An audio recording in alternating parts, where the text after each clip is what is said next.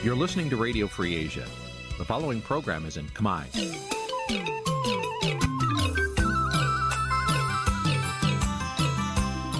នេះជាកម្មវិធីផ្សាយ Vuthu Azizi Serai នេះជាកម្មវិធីផ្សាយរបស់ Vuthu Azizi Serai ជាភាសាខ្មែរ Vuthu Azizi Serai សូមស្វាគមន៍លោកអ្នកនាងទាំងអស់ពីរដ្ឋធានី Washington នៃសហរដ្ឋអាមេរិក។ បាទខ្ញុំបាទថាថៃសូមជម្រាបសួរលោកនាងដែលកំពុងតាមដានការផ្សាយផ្ទាល់របស់វិទ្យុអស៊ីសេរីផ្សាយចេញពីទីក្រុង Melbourne ប្រទេសអូស្ត្រាលីបាទខ្ញុំបាទសូមជូនកម្មវិធីផ្សាយសម្រាប់យប់ថ្ងៃពុធ900ខែកដិកឆ្នាំថោះបញ្ញស័កពុទ្ធសករាជ2567ត្រូវនឹងថ្ងៃទី6ខែធ្នូគ្រិស្តសករាជ2023បាទជាដំបូងនេះសូមអញ្ជើញលោកនាងស្ដាប់ព័ត៌មានប្រចាំថ្ងៃដែលមានមេត្តាដូចតទៅ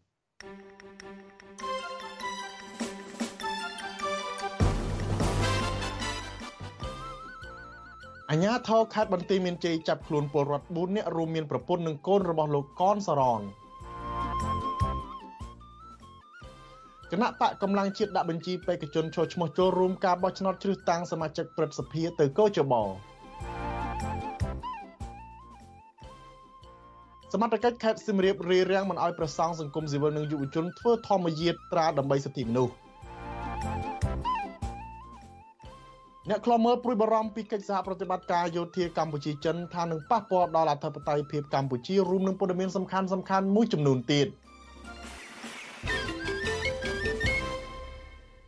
បាទជាបន្តទៅនេះខ្ញុំបាទថាថៃសូមជូនព័ត៌មានពិស្ដារដូចតទៅបាទលោកនាងជាទីមេត្រីមន្ត្រីនគរបាលខេត្តបន្ទាយមានជ័យចំនួន6នាក់បានចូលទៅចាប់ខ្លួនពលរដ្ឋចំនួន4នាក់នៅក្នុងការិយាល័យអង្គការលីកាដូខេត្តបន្ទាយមានជ័យនៅរសៀលថ្ងៃទី6ធ្នូ អង្គការសិទ្ធិមនុស្សលីកាដូចេញផ្សាយអត្ថបទព័ត៌មានខ្លីថានគរបាលបានចាប់ខ្លួនពលរដ្ឋទាំង4នាក់នេះក្នុងពេលពួកគាត់កំពុងទទួលការប្រឹក្សាយោបល់ផ្នែកច្បាប់ទាក់ទងទៅនឹងករណីសកម្មជនបញ្ចេញមតិក្នុងបណ្ដាញសង្គមដែលកំពុងជាប់ពន្ធនាគារគឺលោកកងសរនអ្នកទាំង4នាក់រួមមានអ្នកស្រីហងត្រាប់ជាភរិយារបស់លោកកងសរនកញ្ញាសេងចន្ទថាជាកូនស្រីរបស់លោកកងសរននិងអ្នកចិត្តខាងពីរអ្នកផ្សេងទៀតដែល ជូនអ្នកទាំងពីរទៅការិយាល័យអង្គការលីកាដូខេត្តបន្ទាយមានជ័យអង្គការលីកាដូបញ្ជាក់ទៀតថាអ្នកទាំង4អ្នកត្រូវបានចាប់ខ្លួន10នាទីក្រោយពេលចូលទៅដល់ការិយាល័យរបស់អង្គការលីកាដូបន្ទាប់ពីអ្នកទាំងនោះបានទៅសួរសុខទុក្ខលោកកងសរននៅក្នុងពន្ធនាគារកាលពីពេលព្រឹកបុគ្គលិកអង្គការលីកាដូបានស្នើសុំការបង្ហាញឯកសារពាក់ព័ន្ធក៏ប៉ុន្តែមន្ត្រីនគរបាលទាំងនោះមិនបានបង្ហាញនោះទេហើយបែរជានិយាយថាពួកគេធ្វើតាមបទបញ្ជាទៅវិញ មន្ត្រីនគរបាលទាំងនោះក៏បានបញ្ជាឲ្យបុគ្គលិកលីកាដូលុបចោលរូបភាពបន្ទាប់ពីអឺបន្ទាប់ពីបុគ្គលិកថតបានអំពីវត្តមានរបស់មន្ត្រីនគរបាលទាំងនោះចូលទៅក្នុងបរិវេណការិយាល័យដោយមិនបានបង្ហាញដីកាអ្នកសម្របសម្រួលអង្គការលីកាដូខេត្តបន្ទាយមានជ័យលោកផុនឈិនឲ្យវិទ្យុអាស៊ីសេរីដឹងបន្ថែមថាស្នងការរងនគរបាលខេត្តបន្ទាយមានជ័យទើបបានឆ្លើយតបមកលោកវិញ កាលពីប្រលប់ថ្ងៃដដែលនេះដោយអះអាងថាសមត្ថកិច្ច មិនបានចាប់ខ្លួនអ្នកទាំង4នេះទេគ្រាន់តែហៅពួកគាត់ទៅយកអំណោយប៉ុណ្ណោះទោះជាយ៉ាងណាលោកផុនឈិនអះអាងថាការបកស្រាយរបស់សមត្ថកិច្ចបែបនេះមិនសមហេតុផលឡើយមកទល់ពេលនេះសមត្ថកិច្ចបានបញ្ជូនអ្នកទាំង4អ្នកនោះទៅផ្ទះវិញហើយជុំវិញរឿងនេះវិទ្យុអាស៊ីសេរីមិនអាចតាក់ទងសំការឆ្លើយតបពីស្នងការនគរបាលខេត្តបន្ទាយមានជ័យលោកសិតឡោះបានទេដោយទូរស័ព្ទរបស់លោកមិនអាចតាក់ទងបានលោកកងសរនត្រូវបានអាជ្ញាធរចោមរោមចាប់ខ្លួនដាក់ ក្នុងពន្ធនាគារចាប់តាំងពីថ្ងៃទី25ខែវិច្ឆិកាឆ្នាំ2023ហើយត្រូវបានតុលាការផ្តន្ទាទោសដាក់ពន្ធនាគារចំនួន3ឆ្នាំតាក់ទងទៅនឹងទស្សនៈនយោបាយរបស់លោកដែលលោកបានបង្ហោះនៅក្នុងគណនី Facebook របស់លោកអំឡុងពេលយុទ្ធនាការបោះឆ្នោតខែកក្កដាឆ្នាំ2023នៅក្នុងវីដេអូផ្សាយផ្ទាល់នោះលោកបានចោទជាសំណួរថាតើក្រោយពីគណៈបកប្រជាជនកម្ពុជាឈ្នះឆ្នោត នឹងមានវិធានការដេញពលរដ្ឋវៀតណាមចេញឬបន្តឲ្យហូរចូលដោយខុសច្បាប់បន្តទៀតហើយនៅក្នុងនោះលោកក៏បានរិះគន់ពីបញ្ហាគ្រឿងញៀនអំពើពុករលួយនិងបញ្ហាអសន្តិសុខមួយចំនួនទៀតក្រោយការចាប់ឃុំខ្លួនលោកកងសរនបណ្ដាលឲ្យមានការរិះគន់ប្រងព្រាតពីពីអ្នកប្រើប្រាស់បណ្ដាញសង្គមនិងមន្ត្រីសិទ្ធិមនុស្សថាទង្វើរបស់អាជ្ញាធររដ្ឋាភិបាលគឺជាការរំលោភសិទ្ធិមនុស្សនិងជាទង្វើអមនុស្សធម៌ ហើយយើងមនុស្សដែលយើងចង់ឲ្យលុយមិនមែនមនុស្សអឺពាក់កបាត់កធ្វើការនៅតារាងកបោហោះនោះទេយើងចង់ឲ្យលុយយើងឲ្យលុយទៅចំពោះមនុស្សក្រីក្រមនុស្សរោគរោគស៊ីអឺយើងចង់ទិញរបស់អនុសាវរីយ៍នឹងយើងចង់ទិញអនុសាវរីយ៍យើងចង់ជួយ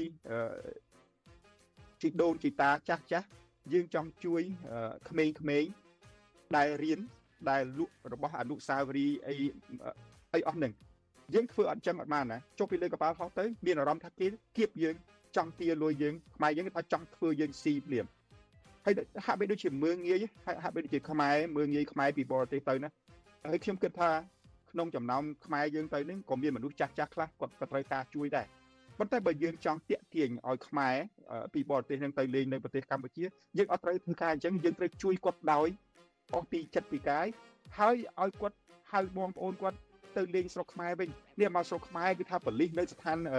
បលិសនៅតារាងកប៉ាល់ហោះនឹងគឺថាជួយសម្បើមយកចិត្តទុកដាក់ណាអត់មានគៀបសង្កត់យកលុយទេបង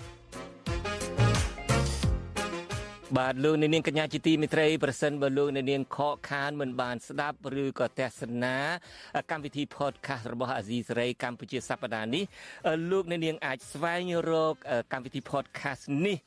តាមបណ្ដាញ podcast នានាដូចជា Apple Podcast Google Podcast ជាដើម ហើយសូមអញ្ជើញលោកអ្នកនាងសរសេរនៅក្នុង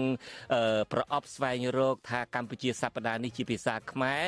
ឬមួយ Cambodia This Week ជាភាសាអង់គ្លេសនោះលោកអ្នកនាងនឹងបានឃើញនៅកម្មវិធីរបស់យើងហើយលោកអ្នកនាងអាចស្ដាប់ឡើងវិញបានបាទសូមអរគុណ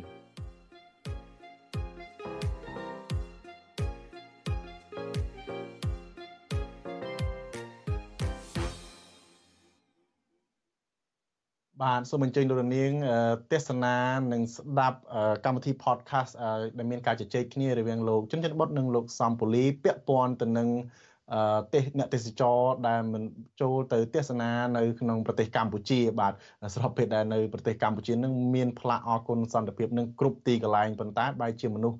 ឬក៏អ្នកទេសចរបរទេសនឹងខ្លាចរអាមិនហ៊ានទៅទេសនានៅ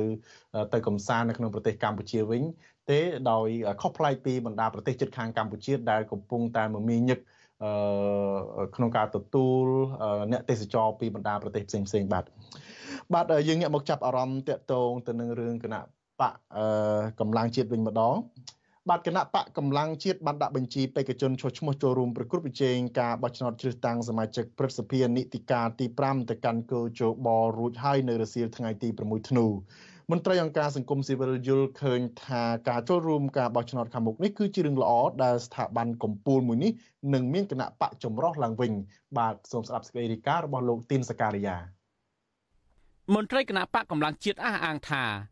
នឹងទទួលបានជោគជ័យក្នុងការបោះឆ្នោតប្រសិទ្ធភាពនៅពេលខាងមុខពីព្រោះសមាជិកក្រុមរក្សាឃុំសង្កាត់របស់គណៈបកភ្លឹងទៀនដែលជាអង្គបោះឆ្នោតភាកច្រើនគាំទ្រគណៈបកកម្លាំងជាតិ អនុប្រធានគណៈបកកម្លាំងជាតិលោកជាមនីប្រាប់វិទ្យុអសិរ័យនៅថ្ងៃទី6ធ្នូថាគណៈបករបស់លោកបានដាក់បេក្ខជនចូលឈ្មោះបោះឆ្នោតជ្រើសតាំងសមាជិកប្រសិទ្ធភាពទៅគណៈកម្មាធិការជាតិរៀបចំការបោះឆ្នោតកោជបទាំង8ភូមិភាគរួចរាល់អស់ហើយលោកបញ្ជាក់ថាមូលហេតុដែលចូលរួមប្រកបប្រជែងការបោះឆ្នោតនេះដោយសារតែចង់ឲ្យមានសម្លេងអ្នកប្រជាធិបតេយ្យនៅក្នុងស្ថាប័នប្រសិទ្ធភាព ដើម្បីតាមដានការអនុវត្តច្បាប់របស់រដ្ឋាភិបាល។ដោយសារគណៈបកកម្លាំងជាតិមានអង្គបោះឆ្នោតហើយក៏ជាគណៈបកមួយដែលជាក្តីសង្ឃឹមរបស់សមាជិកសមាជិកានិងប្រជាពលរដ្ឋជាច្រើនដែលគិតថាបោះឆ្នោតឲ្យគណៈបកកម្លាំងជាតិចឹងគណៈបកមានជំនឿនិងមានសង្ឃឹមថាការបោះឆ្នោតជារឿងសមាជិកប្រជាភិនីតិកាលទី5ឆ្នាំ2024ខាងមុខនេះដោយសំអាងថាយើងមានអង្គបោះឆ្នោតហើយក្នុងករណីហ្នឹងយើងសង្ឃឹមទៀតថា នឹងមានអង្គបោះឆ្នោតដតីដតីទៀតនឹងបោះឆ្នោតឲ្យគណៈបកកម្លាំងជាតិលោកបន្តថាមន្ត្រីជាន់ខ្ពស់គណៈបកកម្លាំងជាតិដែលបានចូលឈ្មោះជាបេក្ខជនបោះឆ្នោតជ្រើសតាំងសមាជិកព្រឹទ្ធសភានៅដើមឆ្នាំ2024ខាងមុខនោះរួមមានលោកហ៊ុយធីលោកឋានសូរិតលោកសុកកឹមសេងជាដើមទោះជាយ៉ាងណាអគ្គលេខាធិការគណៈបកកម្លាំងជាតិលោកសុកកឹមសេងថ្លែងថាទោះបីជាកោជបបានទទួលយកពាក្យហើយក្តី ក៏ប៉ុន្តែគោចបបានតម្រូវឲ្យគណៈបកកែតម្រូវត្រង់ចំណុចមួយចំនួនហើយនឹងប្រកាសទទួលស្គាល់ជាផ្លូវការនៅពេលឆាប់ៗខាងមុខនេះវិទ្យុអសិរ័យមិនអាចតតងแนะនាំពាក្យកោចបលហុងពុធាដើម្បីសំសួរអំពីបញ្ហានេះបន្ថែមបានទេនៅថ្ងៃទី6ធ្នូជំវិញនឹងរឿងនេះនាយកប្រតិបត្តិអង្គការ Netflix លោកសំគុណធីមីមានប្រសាសន៍ថាការចូលរួមបោះឆ្នោតនេះជារឿងល្អ ដែលមានគណៈបកនយោបាយច្រើនចូលរួមប្រកបប្រជែង លោកបញ្ជាក់ថាបើសិនជាគណៈបកនៅក្រៅរដ្ឋាភិបាលទទួលបានអាសនៈនៅព្រឹទ្ធសភាក្នុងការបោះឆ្នោតនាពេលខាងមុខនេះគឺកាន់តែល្អប្រសើរដែលមានគណៈបកនយោបាយចម្រុះនៅក្នុងស្ថាប័នកម្ពុជាមួយនេះដើម្បីត្រួតពិនិត្យការដឹកនាំរបស់រដ្ឋាភិបាល ឲ្យវាមានតលយៈភាពខ្លះឲ្យវាមានគណៈបកចម្រុះនៅក្នុងស្ថាប័នហ្នឹងប្រតិភិបាទវាប្រសើរជាជាងមានស្ថាប័នតែមួយព្រោះអីយើងវិជាធិបតេយ្យសេរីពហុបកយើងចង់ឲ្យមានគណៈបកចូលរួមប្រគល់ប្រជែងក្នុងការបោះឆ្នោតខ្ញុំសង្ឃឹមថាគណៈបកកម្លាំងជាតិអីឆន្ទៈខ្មែរហ្នឹងក្នុងការចូលរួមហ្នឹងសង្ឃឹមថានឹងអាចចូលរួមហើយទទួលស្គាល់ដោយកោជបហើយចូលរួមនៅពេលខាងមុខនេះទៀតណាបាទ គណៈបកកម្លាំងជាតិជាគណៈបកថ្មីមួយដែលទើបតែបង្កើតឡើងដោយក្រុមអតីតមន្ត្រីជាន់ខ្ពស់គណៈបកភ្លឹងទៀនបន្ទាប់ពីកោជបបានរារាំងមិនឲ្យគណៈបកភ្លឹងទៀនចូលរួមការបោះឆ្នោតកាលពីខែកក្កដាឆ្នាំ2023ការបោះឆ្នោតជ្រើសតាំងសមាជិកប្រសិទ្ធិនីតិកាលទី5នឹងប្រព្រឹត្តទៅនៅថ្ងៃទី25កក្កដាឆ្នាំ2024ខាងមុខគិតមកទល់ថ្ងៃទី6ធ្នូ គណៈបកនយោបាយចំនួន3ហើយដែលបានដាក់បញ្ជីបេក្ខជនចូលឈ្មោះបោះឆ្នោតជ្រើសតាំងសមាជិកប្រសិទ្ធិទៅកោជបក្នុងនោះរួមមានគណៈបកកម្លាំងជាតិគណៈបកប្រជាជនកម្ពុជា និងគណៈបកចន្ទៈខ្មែរដែលជាគណៈបកក្នុងសម្ព័ន្ធនយោបាយរបស់គណៈបកភ្លើងទៀនខ្ញុំបាទទីនសាការីយ៉ាអស៊ីសេរី ប្រធានាធិបតី Washington បាទលោកនាងជាទីមិត្តរីនៅឯខេត្តសៀមរាបឯណោះវិញអាជ្ញាធរប្រមាណជាង20នាក់បានរារាំងប្រសង់មន្ត្រីសង្គមស៊ីវិលនិងក្រមយុវជនមិនអោយដើរដង្ហែក្បួនធ្វើធម្មយាត្រាដើម្បីសិទ្ធិមនុស្សនៅព្រឹកថ្ងៃទី6ធ្នូនោះទេដោយចោទប្រកាន់ថាការធ្វើធម្មយាត្រានេះគ្មានច្បាប់អនុញ្ញាត ទោះជាយ៉ាងណាក្រុមអ្នកធ្វើធម្មយាត្រាអះអាងថាពួកគាត់បានដាក់លិខិតជូនដំណឹងទៅក្រសួងមហាផ្ទៃនិងអាជ្ញាធរខេត្តសៀមរាបរួចរាល់អស់ហើយមុននឹងចាប់ផ្ដើមធ្វើធម្មយាត្រាបាទលោកនាងនឹងបានស្ដាប់សេចក្តីរាយការណ៍នេះនៅពេលបន្តិចទៀតហើយខ្ញុំក៏នឹងមានបទសម្ភាសន៍មួយជាមួយនឹងប្រធានសមាគមនិស្សិតបញ្ញវន្តខ្មែរគឺលោកកើតសារាយដែលលោកបានទៅចូលរួមនៅក្នុងធម្មយាត្រានេះហើយក៏ទទួលរងនឹងការរារាំងពីអាជ្ញាធរដូចគ្នាដែរបាទបាទតកតងទៅនឹង ករណីអំពើពុករលួយវិញបាទអ្នកខ្លំមើលនិងមន្ត្រីសង្គមស៊ីវិលជំរុញឲ្យរដ្ឋាភិបាលលុបបំបាត់អំពើពុករលួយនិងធ្វើកំណែទម្រង់ស្ដារនីតិរដ្ឋនៅក្នុងរដ្ឋបាលថ្នាក់ជាតិជាមុនសិនដើម្បីបង្ហាញគំរូដល់មន្ត្រីថ្នាក់ក្រោមឲ្យពង្រឹងភាពស្អាតស្អំនៅក្នុងរដ្ឋបាលសាធារណៈតាមគោលនយោបាយរបស់រដ្ឋាភិបាល បាទការលើកឡើងបែបនេះគឺបន្ទាប់ពីពួកគាត់សង្កេតឃើញថាអង្គើពុករលួយដែលរារាំងដំណាភាពនៅក្នុងរដ្ឋបាលសាធារណៈគឺមានរុះគល់ចេញពីមន្ត្រីនៅក្នុងក្រសួងស្ថាប័នថ្នាក់ជាតិបាទសូមស្ដាប់សេចក្តីរាយការណ៍របស់អ្នកស្រីសុជីវីអ្នកខ្លាំមើលលើកឡើងថាការដាក់ចេញនៅគោលនយោបាយលើកកម្ពស់និងពង្រឹងរដ្ឋបាលសាធារណៈរបស់លោកយមត្រីហ៊ុនម៉ាណែតនៅមិនទាន់មានលក្ខណៈពេញលេញព្រោះក្បាលម៉ាស៊ីនដឹកនាំប្រទេសមួយនេះ នៅពោពេញដោយអំពើពុករលួយនៅឡើយអ្នកសិក្សាកិច្ចការសង្គមនិងនយោបាយលោកប៉ៅមករាប្រាប់វិទ្យុអាស៊ីសេរីនៅថ្ងៃទី6ខែធ្នូថាការកែតម្រង់និងពង្រឹងភាពស្អាតស្អំនេះគួរចាប់ផ្ដើមធ្វើចេញពីអង្គភាពប្រឆាំងអំពើពុករលួយ និងស្ថាប័នកម្ពុជាជាមុនសិនព្រោះក្នុងស្ថាប័នទាំងនេះពោពេញដោយសាច់ញាតិបពពួកនិយមនិងខ្សែស្រឡាយ លោកយល់ឃើញថាដើម្បីឲ្យការអនុវត្តនៅគោលការណ៍ពង្រឹងភាពស្អាតស្អំនៅក្នុងរដ្ឋបាលសាធារណៈមានប្រសិទ្ធភាព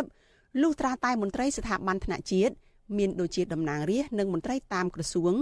មានភាពឯករាជ្យក្នុងការបំពេញភារកិច្ចនិងសកម្មក្នុងការដោះស្រាយបញ្ហាដោយអព្យាក្រឹតដោយមិនត្រូវគិតពីខ្សែស្រឡាយឬបពពួកនិយមនោះឡើយ។ ក្នុងកលៈទេសៈនេះដែលជាចំនួនថ្មីគួរតែ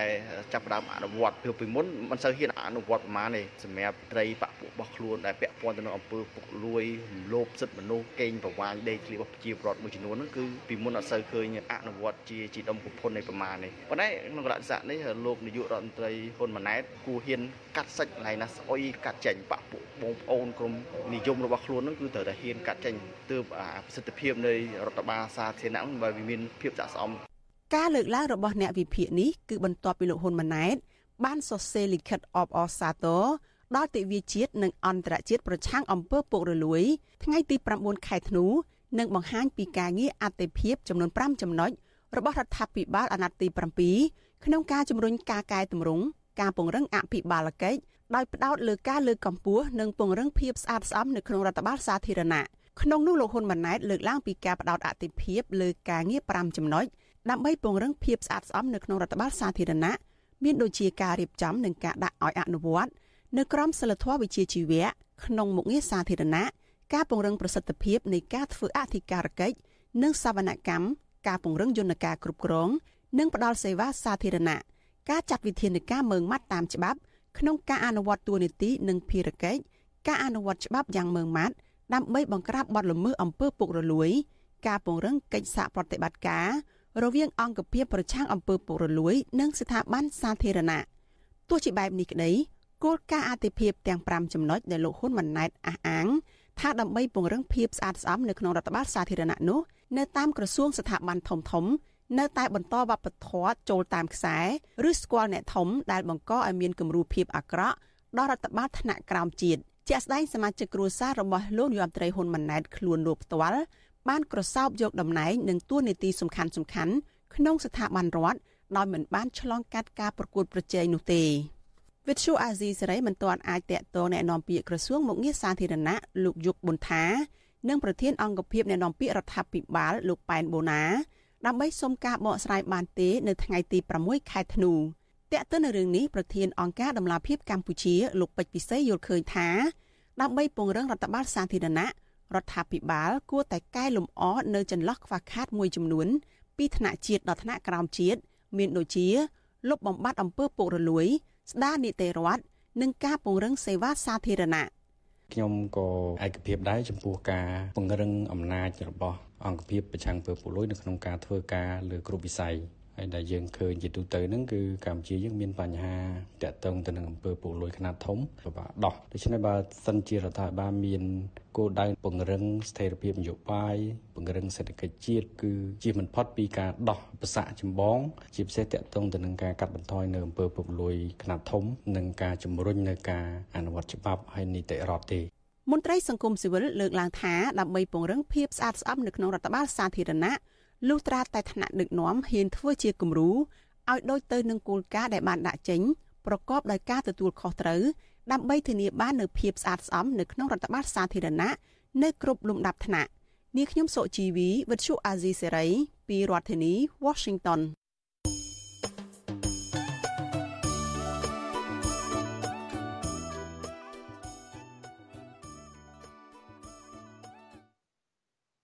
បាទដំណើរគ្នានឹងស្ដាប់ការផ្សាយវិទ្យុអស៊ីសេរីតាមបណ្ដាញសង្គម Facebook YouTube និង Telegram លោកនាងក៏អាចស្ដាប់កម្មវិធីផ្សាយរបស់វិទ្យុអស៊ីសេរីតាមរយៈរលកធាតុអាកាសខ្លីឬ Shortwave តាមកម្រិតនិងកម្ពស់ដូចតទៅនេះពេលព្រឹកចាប់ពីម៉ោង5កន្លះដល់ម៉ោង6កន្លះតាមរយៈប៉ុស SW 93.90 MHz ស្មើនឹងកម្ពស់ 32m និងប៉ុស SW 11.85 MHz ស្មើនឹងកម្ពស់ 25m ពេលយប់ចាប់ម៉ោង7កន្លះដល់ម៉ោង8កន្លះ តាមរយៈប៉ុស SW 93.30 MHz ស្មើនឹងកម្ពស់ 32m ប៉ុស SW 11.88 MHz ស្មើនឹងកម្ពស់ 25m និងប៉ុស SW 15.15 MHz ស្មើនឹងកម្ពស់ 20m បាទប្រទេសចិនកុម្មុយនីសបានបញ្ជូននាវាចម្បាំងរបស់ខ្លួនចូលមកដល់មូលដ្ឋានកំពង់ផែរៀមហើយស្របពេលដែលមេតបចិនមកបំពេញទស្សនកិច្ចនៅកម្ពុជា។ ភាគីទាំងពីរអះអាងថាការចូលចតរបស់នាវាចិននាវាចិននៅពេលនេះគឺដើម្បីរឹតចំណងទំនាក់ទំនងទ្វេភាគីនិងពង្រឹងកិច្ចសហប្រតិបត្តិការយោធាក៏ប៉ុន្តែអ្នកខ្លំមើលព្រួយបារម្ភថាកិច្ចសហប្រតិបត្តិការយោធាកាន់តែស្អិតរមួតនៃទំនាក់ទំនងកម្ពុជាចិនអាចនឹងជះផលអវិជ្ជមានដល់អធិបតេយ្យភាពកម្ពុជាបាទលោកយ៉ងច័ន្ទរារាយការណ៍ព័ត៌មាននេះ ប្រទេសចិនបានបញ្ជូននាវាចម្បាំងរបស់ខ្លួនស្របពេលអនុប្រធានគណៈកម្មាធិការយោធាមជ្ឈិមនៃបកកុម្មុយនីចិន លោកហឺវៃតុងដឹកនាំគណៈប្រតិភូយោធាជាន់ខ្ពស់នៃកងទ័ពរំដោះប្រជាជនចិន មកបំពេញទស្សនកិច្ចនៅកម្ពុជាមន្ត្រីចិនឲ្យដឹងថាដំណើរនេះធ្វើឡើងដើម្បីពង្រឹងចំណងមិត្តភាព និងដើម្បីត្រៀមវឹកហាត់កងទ័ពជើងទឹកកម្ពុជា កាលពីថ្ងៃទី3ខែធ្នូរដ្ឋមន្ត្រីក្រសួងការពារជាតិកម្ពុជា លោកទាសីហាឲ្យដឹងតាម Facebook ថាលោកនិងអតីតរដ្ឋមន្ត្រីក្រសួងការពារជាតិលោកទាបាញ់ដែលជាឪពុកបានចុះទៅពិនិត្យមើលនាវាចូលសម្ចតនៅកំពង់ផែសមុទ្ររៀមដើម្បីត្រៀមវឹកវើនាវិកកងទ័ពជើងទឹកកម្ពុជា ក្រៅពីនេះលោកទាសីហានិងលោកទាបាញ់ក៏បានពិនិត្យការសាងសង់មូលដ្ឋានទ័ពរៀមលើសំណង់នានាដោយលោកទាបាញ់បញ្ជាក់ថាផែនការកសាងមូលដ្ឋានទ័ពនេះកំពុងដំណើរការយ៉ាងសកម្មរូបភាពពីផ្កាយរណប របស់ក្រុមហ៊ុនរូបភាព Planet Labs កាលពីថ្ងៃទី3ខែធ្នូបង្ហាញថានាវា2ដែលសង្ស័យជាប្រភេទនាវាចម្បាំង Corvette ឬ Frigates បានចូលចតនៅកំពង់ផែរៀមនៅទិសខាងលិចនៃមូលដ្ឋានកងទ័ពជើងទឹកសមុទ្ររៀមនេះគឺជាលើកទី1ហើយដែលចិនបានបញ្ជូននាវាចម្បាំងរបស់ខ្លួនមកចតនៅមូលដ្ឋានកងទ័ពជើងទឹករៀមខណៈគម្រោងនេះក្រុងបិទបញ្ចប់ការសាងសង់នៅឆ្នាំ2024ខាងមុខភាគីកម្ពុជាមិនទាន់ប្រាប់លំអិត នៃរយៈពេលនិងចំនួននាវិកចិននិងកម្ពុជា ដែលត្រៀមវឹកវើជាមួយនាវាចម្បាំងចិននៅឡើយនោះទេ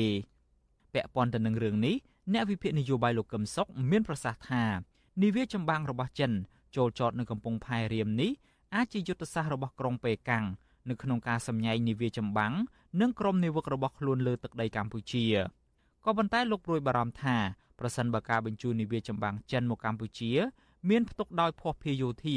ហើយក្រុមនាវិកចិនមិនត្រូវបានបញ្ជូនទៅប្រទេសចិនវិញនោះភាពតានតឹងរបស់កម្ពុជាជាមួយបណ្ដាប្រទេសក្នុងតំបន់និងលោកសេរីកាន់តែមានភាពអាក្រក់ បើរដ្ឋាភិបាលចិន បញ្ជូននាវានិងកងទ័ពមកធ្វើសមយុទ្ធឬក៏មកបង្វឹកកងទ័ពកម្ពុជាមិនជាខុសអ្វីទេក៏ប៉ុន្តែបើមានការស្រាវជ្រាវឃើញមានការលាក់អាវុធឬក៏តាំងកងទ័ពចិនជាសម្ងាត់មិនបញ្ជូនទៅចិនវិញបន្ទាប់ពីវឹកហាត់នោះគឺជាការបង្កើតបញ្ហាកាន់តែធំហើយហើយអាចនឹងវិវត្តកាន់តែអាក្រក់រវាងទំនាក់ទំនងកម្ពុជាជាមួយបច្ចិមលោក វិទ្យុអាស៊ីសេរីមិនទាន់អាចតាក់ទងរដ្ឋមន្ត្រីក្រសួងការពារជាតិលោកទាសីហាដើម្បីសាកសួរអំពីរឿងនេះបានទេ នៅថ្ងៃទី6ខែធ្នូទោះបីជាយ៉ាងណា នៅក្នុងជំនួបទ្វេភាគីជាមួយនឹងលោកហឺវៃតុងកាលពីថ្ងៃទី3ខែធ្នូរដ្ឋមន្ត្រីក្រសួងការពារជាតិកម្ពុជា លោកទាសីហាលើកឡើងថាការពង្រឹងនិងពង្រីកចំណងតាក់ទងសាមគ្គីភាព និងមិត្តភាពរវាងកងទ័ពនៃប្រទេសទាំងពីរបានរីកចម្រើនពីមួយថ្ងៃទៅមួយថ្ងៃ។ លោកទាសីហារំពឹងថាទស្សនកិច្ចរបស់មេតបចិនលើកនេះកងទ័ពប្រទេសទាំងពីរនឹងកាន់តែទទួលបានសមត្ថភាពតាមរយៈកិច្ចសហប្រតិបត្តិការជាមួយគ្នាក្នុងវិស័យការពារជាតិនៅមុនពេលបិទបញ្ចប់ការសាងសង់មូលដ្ឋានទ័ពជើងទឹករៀមនេះភាគីមេតបចិននិងកម្ពុជានារយៈពេលប្រមាណខែចុងក្រោយនេះបានផ្លាស់ប្តូរដំណើរទស្សនកិច្ចញឹកញាប់ហើយក្នុងនោះជំនួបទ្វេភាគីរវាងមេតបកម្ពុជានិងចិនភាគច្រើនពិភាក្សាគ្នា ដោយផ្ដោតសំខាន់ទៅលើការជំរុញនិងពង្រីកការអភិវឌ្ឍសមត្ថភាពនៃកងទ័ពប្រទេសទាំងពីរខ្ញុំយ៉ងច័ន្ទដារាវិទ្យុអាស៊ីសេរី Washington បាទលោកនាងទីមេត្រីតកតងទៅនឹងអធិបុលចិននេះដែរបាទប្រទេសអាស៊ានខ្លះដែលមានអធិបុលដូចជាឥណ្ឌូនេស៊ីសិង្ហបុរីនិងហ្វីលីពីនជាដើមកំពុងព្រួយបារម្ភចំពោះការវាយទីនៃភូមិសាស្ត្រនយោបាយចិនដែលចង់គ្របដណ្ដប់អធិបុលនិងក្រសោបយកសេដ្ឋកិច្ចនៅក្នុងតំបន់ ទន្ទឹមនឹងការព្រួយបារម្ភនេះប្រទេសឥណ្ឌូនេស៊ីបានបង្កើនថវិកាប្រមាណ20%ថែមទៀតទៅលើវិស័យការពារជាតិសម្រាប់ឆ្នាំ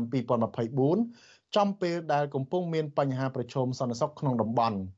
បាទតើអាស៊ានសម្លឹងមើលកម្ពុជាដែលកំពុងមានទំនាក់ទំនងដ៏ស្អិតរមួតជាមួយនឹងចិនឃើញយ៉ាងដូចម្ដេចនៅពេលដែលចិនកំពុងវិទីភូមិសាស្ត្រនយោបាយនេះបាទសូមរនាងរងចាំស្ដាប់សេចក្តីរាយការណ៍នេះពិស្ដារនៅពេលបន្តិចទៀត។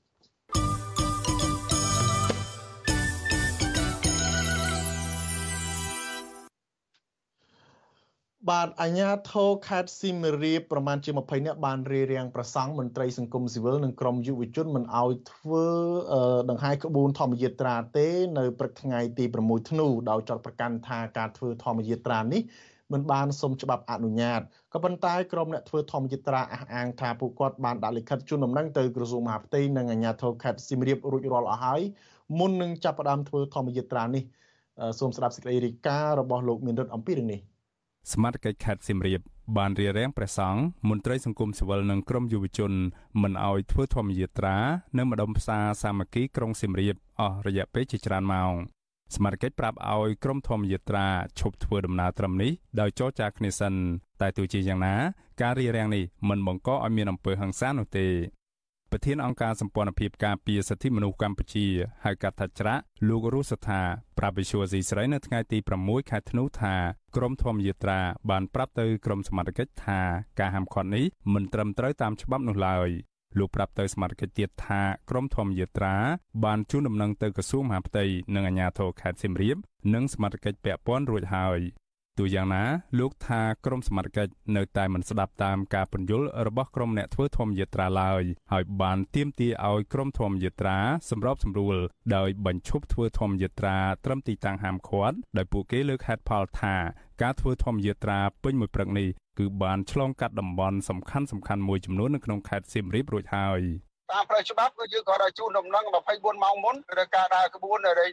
ការជួបជុំរែងតិចជាង200នាក់ហ្នឹងគឺវាសពល្មមហើយហើយដូច្នេះมันมันគួរណាដែលមកគាត់ពួកយើងទេចំណុចនៅត្រង់ហ្នឹងយើងធ្វើត្រូវច្បាប់ហើយបើគាត់យើងហើយដូច្នេះរដ្ឋចេះតែទាំងអល់សង្គមស៊ីវិលថាធ្វើមិនត្រូវច្បាប់ប៉ុន្តែយើងធ្វើត្រូវច្បាប់ហើយទៅជាគាត់យើង ព្រះសង្ឃចំនួន12អង្គមន្ត្រីសង្គមស៊ីវិលនិងក្រុមយុវជនជាង20នាក់បានធ្វើធម្មយាត្រាដើរដោយថ្មើរជើង ចេញពីទីប្រជុំជនខេត្តសៀមរាបនៅថ្ងៃទី6ខែធ្នូដើម្បីប្រារព្ធទិវាសិទ្ធិមនុស្សអន្តរជាតិនិងក្នុងគោលបំណងឲ្យពលរដ្ឋកម្ពុជាទទួលបានសិទ្ធិសេរីភាពពេញលេញទូយ៉ាងណាមន្ត្រីជាន់ខ្ពស់សាលាខេត្តសៀមរាប ឈ្មោះសុនឆៃបានប្រាប់ក្រុមអ្នកធ្វើធម្មយាត្រាថាលោកមិនយល់ដូច្នេះទេដោយលោកបានដឹកនាំសមាជិកជាង20នាក់រៀបរៀងការធ្វើធម្មយាត្រានេះ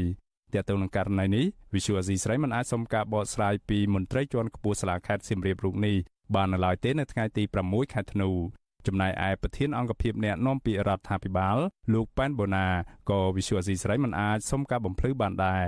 ប្រធានសមាគមសម្ព័ន្ធនិស្សិតបញ្ញវន្តខ្មែរលោកកើតសរាយឲ្យដឹងថាបើទោះបីជាក្រមធម្មយាត្រាយល់ព្រមសម្របសម្រួលតាមការចង់បានរបស់សមាជិកដោយសម្រាប់នៅក្នុងភូមិសំរោងឃុំសំរោងស្រុកសូត្រនិគមខេត្តសៀមរាបក៏ដោយក៏គិតត្រឹមល្ងាចថ្ងៃទី6ខែធ្នូ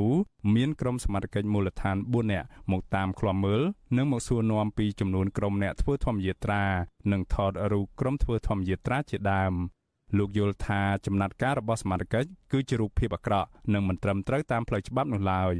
លោកកើតសរាយបន្តថាសមាជិកគួរតែជួយសម្រួលការធ្វើសកម្មភាពធ្វើធម្មយាត្រានេះព្រោះជាសកម្មភាពជួយសង្គមក៏ប៉ុន្តែសមាជិកបែរជារារាំងនិងបង្កផលលំបាកទៅវិញ។ សកម្មភាពរបស់យើងយើងបានដាក់លិខិតទៅក្រសួងមហាផ្ទៃធ្វើសេចក្តីជូនដំណឹងយើងបានជូនដំណឹងទៅសាលាខេត្តប៉ុន្តែនៅតែរៀបរៀងយើងនេះហើយវាជាការបង្ហាញថាមិនមែនជាការអនុវត្តទៅតាមស្តង់ដារនៃច្បាប់ទេប៉ុន្តែវាជារបៀបធ្វើការងារដោយប្រើអារម្មណ៍វាជារបៀបធ្វើការងារដោយប្រើចិត្តមានន័យថាបើចង់ថត់ឲ្យយើងឈប់គឺឈប់ នៅពេលដែលមានការរៀបរៀងពីសំណាក់ក្រមសមាជិកខេត្តសៀមរាបយ៉ាងដូចនេះក្រុមអ្នកធ្វើធម្មយាត្រាបាននាំគ្នាសម្រាប់នៅម្ដុំផ្សារដំដែកក្នុងភូមិសំរោងឃុំសំរោងស្រុកសូននិគមពួកគាត់ខ្លះបានបោះតង់ហើយអ្នកខ្លះទៀតបានសុំផ្ទះអ្នកស្រុកស្នាក់នៅ លោកកើតសរាយឲ្យដឹងថាតាមគម្រោងនៅថ្ងៃបន្ទាប់គឺនៅថ្ងៃទី7ខែធ្នូក្រុមធ្វើធម្មយាត្រានឹងចាប់ផ្ដើមចេញដំណើរពីខេត្តកំពង់ធំរួចបន្តទៅខេត្តកំពង់ចាម និងចូលរាជធានីភ្នំពេញឲ្យទាន់ថ្ងៃទី10ខែធ្នូដើម្បីប្រារព្ធទិវាសិទ្ធិមនុស្សអន្តរជាតិទ្រង់ទ្រាយធំ នៅថ្ងៃទី10ខែធ្នូនៅទីលានប្រជាធិបតេយ្យខ្ញុំបានមេរិត Visual Asia ស្រីពីរដ្ឋធានី Washington បាទតើតើនៅរឿងនេះខ្ញុំមានបទសម្ភាសន៍ពិសេសមួយជាមួយនឹងប្រធានសមាគមនិស្សិតបញ្ញវន្តខ្មែរគឺលោកកាត់សរាយបាទជំរាបសួរកាត់សរាយបាទបាទជំរាបសួរបងហើយនឹងជំរាបសួរបងប្អូនជនរួមជាតិផងបាទឥឡូវនេះលោកកាត់សរាយនៅទីណាដែរបាទឥឡូវនេះកំពុងនៅនឹងផ្ទះរបស់ខ្ញុំ ដែលជាស្រុកកំណើតនៅភូមិសំរោងបាទអូ អញ្ចឹងឥឡូវនឹងរំសាយគ្នាឲ្យក្រោយពេលអាញាធររៀបរៀងហ្នឹងឬក៏យ៉ាងម៉េចបាទអ្នកអ្នកផ្សេងទៀតនៅជួបជុំនៅកន្លែងម្ដុំទៅហើយលោកទៅទៅស្រុកកំណើតសិនឬក៏មិនអឺនៅជួបជុំគ្នានៅឡើយទាំងអស់យើងមិនបានធ្វើការរំសាយទេពីព្រោះ schedule ដែលយើងបានរៀបចំគឺយើងនឹងដើរនៅថ្ងៃស្អែកបន្តទៀតនៅទឹកដីខេត្តកំពង់ធំបាទបាទ ចាឥឡូវហ្នឹងសម្រាប់អ្នកផ្សេងទៀតមានប្រសង់មានអីហ្នឹងកំពុងគង់នៅទីណាដែរសឹងកន្លែងណាយប់នេះបាទឥឡូវនេះកំពុងសឹងនៅផ្ទះរបស់ខ្ញុំផ្ទះរបស់ម្ដាយមិនផ្ទះខ្ញុំទេខ្ញុំមិនមានផ្ទះទេគឺផ្ទះម្ដាយផ្ទះបងស្រីរបស់ខ្ញុំអឺទាំងអស់អង្គហើយទាំងបងប្អូនញាតិមិត្តចិត្តនៅចិត្តចិត្តនេះក៏គាត់បានរៀបចំផ្ទះឲ្យលោកបានសឹងដែរហើយស្អែកនេះយើងនឹងចេញដំណើរបន្តទៀតបាទ តើមានប្រសង់ប្រមាណអង្គហើយមានអ្នកចូលរួមផ្សេងទៀតជាបាសក់អានឹងប្រមាណអ្នកដែរបាទដូចនៅទីនោះបាទអឺជាក់ស្ដែងឥឡូវនេះយើង មានប្រសង12ព្រះអង្គហើយនឹងមានកុហករបស់យើង7នាក់ដែលជានិស្សិតដែលជាយុវជន ដែលគាត់មកចូលរួមនៅក្នុងការដើរជាមួយយើងនេះបាទហើយឥឡូវយើងទៅនឹងហូបអាហារមុននឹងដែរបាទបាទ បាទនឹងហើយលកាត់ស្រ័យខ្ញុំឃើញព្រឹកមិញហ្នឹងឃើញមានប្រសង់ចូលរួមទាំងហាយក្បួនធម្មយិត្រាហ្នឹងច្រើនណាស់ហើយប៉ុន្តែឃើញបែរជាមានសមត្ថកិច្ចហ្នឹងទៅរៀបរៀងវិញដោយគ្រាន់តែប្រសង់ហើយមានមន្ត្រីសង្គមស៊ីវិលនិងក្រមយុវជនជានិស្សិតអីហ្នឹងគាត់នៅកាន់បដាដើរទាំងហាយក្បួនមានទង់ជាតិកម្ពុជាដោយស្ងៀមស្ងាត់នៅអឺមកបែកមកខាងនៃផ្លូវបែរជា មានការទៅរៀបរៀងទៅវិញបាទតើលោកកាត់សរាយអាចរៀបរាប់លម្អិតបានទេហេតុអីបានជាមានការរៀបរៀងហើយយល់បែបណាដែរចំពោះទង្វើរបស់អាញាធរនេះបាទបាទអឺជាដំបូងគឺយើងបានរៀបចំនៅក្នុងការចេញដំណើរធម្មយាត្រាពីទីតាំងព្រះអង្គជេកព្រះអង្គជមដែលសាធារណជនទូទៅជាពិសេសអ្នកសៀមរាបនោះ តែងតែមានជំនឿថាអាចទៅបន់ស្រន់សម្រាប់នៅក្តីប្រាថ្នាមួយចំនួនរបស់ខ្លួនឯងតាមរយៈជំនឿរបស់គាត់អឺពេលដែលយើងចេញមកតាមផ្លូវគាត់បានខាត់យើងជា2សា3សារួចទៅហើយដោយឲ្យមន្ត្រីប៉ូលីសចរាចរណ៍ហ្នឹងគឺមកខាត់យើងអឺ ដោយឈោពាំងពីមុខក៏មានប៉ុន្តែអ្នកសម្របសម្រួលរបស់យើងក៏បានរត់ទៅសម្របសម្រួលជាមួយដើម្បីទាញគាត់មកខាងហើយដំណើរធម្មយាត្រាយើងនៅតែទៅមុខដដែលហើយជាចុងក្រោយនោះក៏មានបងប៉ូលីសម្នាក់តែខ្ញុំមិនមិនបានសួរពិជានាំឲ្យគាត់ក៏មិនបានណែនាំខ្លួនថាគាត់មានទូនាទីអីមកពីណាតែគាត់ឃើញគាត់ពាក់ផ្កាយមួយ តែមិនដឹងថាតំណែងទូនាទីគាត់ប៉ុណ្ណាទេគាត់បានសុំឲ្យយើងចរចាគ្នាដោយបញ្ឈប់ដំណើរសិនកន្លែងនេះហើយដែលដែលខ្ញុំថាវាវាជារឿងដែលយើងអត់មានន័យថាយើងអត់មានគោលការណ៍ស្តង់ដារនៅក្នុងការធ្វើការងារណាព្រោះនៅពេលដែលយើងនិយាយពីកិច្ចចរចាមួយគឺយើងមិនទៅរៀងស្ទះនៅសកម្មភាពដែលវាមិនទាន់មានវិជាសនកម្មណាមួយនៅក្នុងការបង្ហាញពីផលប៉ះពាល់ទេ ប៉ុន្តែដល់ពេលនិយាយគាត់ថាកំពុងតែដើរនឹងធ្វើឲ្យប៉ះពាល់ដល់សន្តិភាពសាធារណៈអានោះហើយដូចជាសំណួរខ្ញុំថាយើងនិយាយយើងដើរគ្នាប្រហែលអ្នកសោះទៅជាប៉ះពាល់សម្រាប់ធ្នាប់សាធារណៈបើខ្ញុំឃើញមានលោកសង្ឃមួយអង្គនោះប្រមូលគីងគោមនុស្សទៅប្រមូលផ្ដុំអីសុំទឹកផឹកទឹកអីណាបឹងទឹកទលេអីណាអត់មានទេអាជ្ញាធរទៅជួយសម្រួលចរាចរណ៍ជួយដឹកជួយអីទៀតបាទវាវាជារឿងអត់ទេខ្ញុំខ្ញុំមិនចង់ទៅប្រៀបធៀបអាហ្នឹងប៉ុន្តែខ្ញុំ ខ្ញុំចង់ប្រៀបធៀបជាមួយគ្រឿងសង្វឹងវិញទេខ្ញុំចង់តតប្រៀបធៀបជាមួយគ្រឿងសង្វឹងដែលដង្ហែនៅទីសាធារណៈណាឡានទៅទាំងជួរទាំងជួរស្ទះអេស្ទះឯងអឺប៉ុន្តែយើងមើលថាតើមានចំណាត់ការអីដែរទេមានតែទៅអបអមានតែជួយគោះកំប៉ុងមានតែជួយផឹកបន្ថែមអានឹងហើយដែលដែលយើងកំពុងឆ្លោះបញ្ចាំងឡើងវិញថាសកម្មភាពដែលពលរដ្ឋប្រសងកំពុងតែផ្សព្វផ្សាយពីសិលធម៌ដែលសង្គមកម្ពុជាបានទទួលស្គាល់ ថាសង្គមខ្លួនឯងកំពុងតែអាក្រក់ណាស់រឿងសិលធម៌នេះសម្បីព្រះមហាក្សត្រក៏ធ្លាប់ចេញឡាយពហោះនៅក្នុងការអំពាវនាវឲ្យប្រជាជាតិខ្មែរសូមអឺឲ្យតម្លៃលើសិលធម៌តាមរយៈដែលយើងឃើញហើយកន្លងមកមានករណីឃាតកម្មសាហាវសាហាវចាក់កកាត់កកសម្រាប់អីជាដើមអាទាំងអស់នោះហើយដែលមន្ត្រីអាជ្ញាធរគួរយកចិត្តទុកដាក់នៅក្នុងការទៅរៀបរៀងប៉ុន្តែនៅពេលដែលសកម្មភាពក្នុងការផ្សព្វផ្សាយធ្វើឲ្យមនុស្សចាប់ផ្ដើមយល់ដឹងពីសិទ្ធិសេរីភាព យល់ដឹងអ្វីទៅជាប្រជាធិបតេយ្យយល់ដឹងអ្វីទៅទៅជាមេត្តាចិត្តយល់ដឹងអ្វីទៅជាសិល5អាទាំងអស់ហ្នឹងវានឹងធ្វើឲ្យប្រជាជាតិយើងស្លូតបូតខ្លាយជាមនុស្សដែលយល់ដឹងពីភាពខុសនឹងត្រូវមិនមែនយូរយូរទៅគោរពប្រែជំនួសព្រាសអស់ទៅជាគោរពព្រាជំនួសព្រំវាលេងដឹងខុសដឹងត្រូវសទៅជាខ្មៅអាក្រក់វាទៅជាល្អអស់លេងអានឹងហើយដែលដែលយើងចង់ឲ្យមន្ត្រីអាជ្ញាធរចាប់អារម្មណ៍ថាអារឿងហ្នឹងមិនមែនជារឿងរបស់ប្រសង់ 12អង្គដែលដើរមិនមែនជារឿងរបស់យុវជន7នាក់ទេជារឿងប្រជាជាតិទាំងមូលហើយបើមិនគិតគូរទេខ្ញុំថាយើងត្រូវមើលប្រវត្តិសាស្ត្ររបស់យើងឲ្យហើយប្រវត្តិសាស្ត្រយើងតាំងពីសម័យជ័យជាតិថាយើងមើលឲ្យច្បាស់ថាអត់អីបានប្រជាជាតិយើងពីមួយមេដឹកនាំពីមួយចំនួនទៅមួយចំនួនខ្សោយដោយសារអីដោយសារពួកយើងអត់ផ្ដោតទៅលើការបដិបដាលធនធាននៅពេលដែលយុវជនមានមនសិការឧទាហរណ៍ប្រសងលោកមានមនសិការ12អង្គហើយ12អង្គនោះយើងប្រមូលតម្រាំបានបាន ហើយយុវជនមានមនសិការប្រមាណនេះយើងប្រមូលតម្រាំបានបានហើយគ្រាន់តែចេញទៅទីសាធារណៈចូលរួមសកម្មភាពសង្គមហើយបែរជាបង្ហាញអរិយាប័ត្ររៀបរៀងខ្ញុំក៏ពិតបើយើងយោងតាមច្បាប់នៅក្នុងសជនរបស់ក្រសួងមហាផ្ទៃលេខ200 2006វាបាននិយាយយ៉ាងច្បាស់ហើយថាសកម្មភាពរបស់អង្គការសង្គមស៊ីវិលដែលចុះបញ្ជីហើយសកម្មភាពរបស់យើងនេះគឺជាសកម្មភាពដែលកើតចេញអំពីការរៀបចំរបស់អង្គការសង្គមស៊ីវិលដែលមានការចុះបញ្ជីហើយយើងមានលិខិត